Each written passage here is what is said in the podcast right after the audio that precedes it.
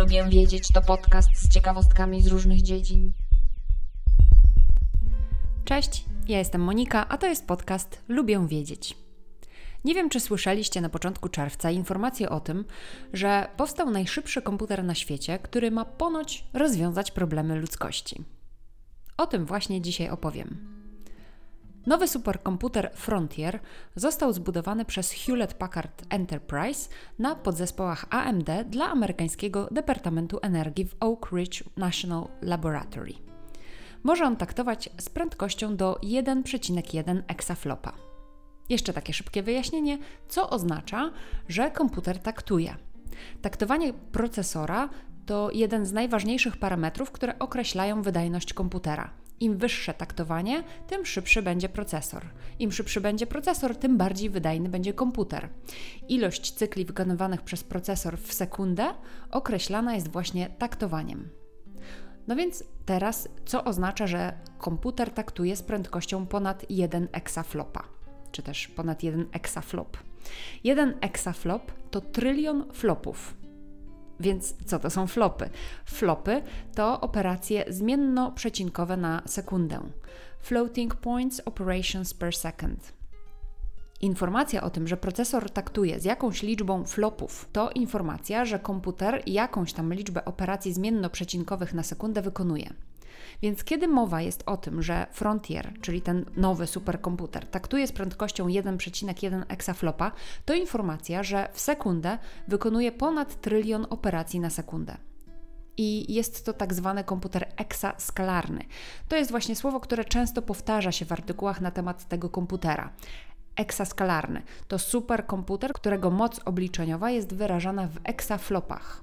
Czyli jak tłumaczyłam wcześniej, jest on w stanie wykonać co najmniej trylion operacji zmienno-przecinkowych na sekundę. I Frontier jest pierwszym superkomputerem, który przełamał tę barierę prędkości exaflopa, czyli jest pierwszym komputerem eksaskalarnym bo wykonuje ponad trylion obliczeń na sekundę i trafił na pierwsze miejsce listy 500 najpotężniejszych superkomputerów na świecie. Co istotne, Frontier jest szybszy niż 7 kolejnych najpotężniejszych superkomputerów na Ziemi razem wziętych, które znajdują się właśnie na tej liście 500. Link do tej listy komputerów, superkomputerów znajdziecie w notatkach do tego odcinka. Zapraszam do zajrzenia do tej listy.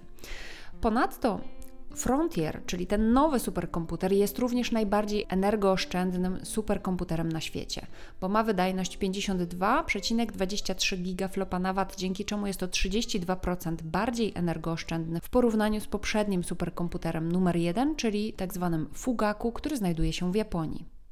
Co więcej, Frontier wypadł również wyjątkowo dobrze w testach porównawczych sztucznej inteligencji. Ta kategoria jest oficjalnie nazywana przetwarzaniem o mieszanej precyzji, po angielsku Mixed Precision Computing i ocenia wydajność w operacjach powszechnie używanych w sztucznej inteligencji.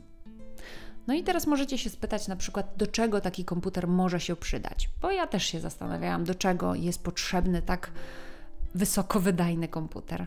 No na przykład może on opracowywać modele sztucznej inteligencji, które są 4,5 raza szybsze, może przetwarzać większą ilość danych, może zwiększyć przewidywalność i skrócić czas pracy. Jednym z pierwszych zadań, jakie Frontier otrzyma, to będzie, albo już jest, modelowanie rozwoju drogi mlecznej, czyli naszej galaktyki. Będziemy wiedzieć, jak może się rozwijać, jak może ewoluować nasza galaktyka, czy gwiazdy będą się rozszerzać, czy będą się do siebie zbliżać, jak naprawdę może się skończyć nasza galaktyka.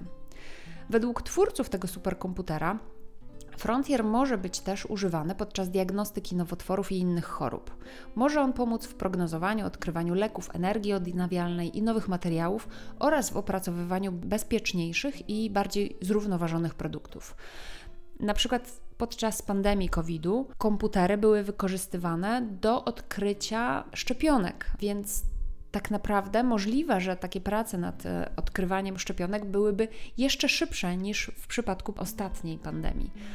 Jak mówi Jeff Nichols, e, zastępca dyrektora laboratorium, które stworzyło Frontier, naukowcy i inżynierowie z całego świata będą mogli używać Frontiera do rozwiązania niektórych z najtrudniejszych pytań ludzkości. Warto jeszcze wspomnieć, że na początku roku 2023 mają skończyć się prace nad kolejnym superkomputerem, nazwanym El Capitan, którego wydajność ma wynieść ponad 2 exaflopy czyli ma być jeszcze szybszy niż Frontier, właściwie dwa razy szybszy niż Frontier, no i będzie jeszcze bardziej wydajny. Dlaczego nazywa się El Capitan? Ponieważ z tego co wyczytałam, to serwery mają być ustawione na wysokość mniej więcej właśnie tego El Capitan, tej słynnej góry. Ten El Capitan ma również stanąć w Stanach Zjednoczonych i jego powstanie e, zostało zlecone również przez Departament Energii Stanów Zjednoczonych. Ciekawa jestem, do czego Wy byście użyli Frontiera, żeby jaki problem ludzkości rozwiązał. No i w ogóle, czy uważacie, że takie superkomputery są potrzebne ludzkości, czy niekoniecznie? Dziękuję za wysłuchanie dzisiejszego odcinka podcastu. Zapraszam do subskrypcji, do zajrzenia do notatek do tego odcinka. Tam zamieściłam linki do źródeł informacji. Zapraszam na moje konta na Instagramie. Lubię wiedzieć, gdzie dzielę się innymi ciekawostkami, a także na mojego Instagrama oddzielnie dotyczącego książek, które czytam. Konto nazywa się Fiszkowa Kartoteka. Jeśli podoba Ci się mój podcast, to powiedz o nim innym, ale możesz mi także postawić wirtualną kawę poprzez link, który zamieszczam w notatkach do tego odcinka. Do usłyszenia, cześć!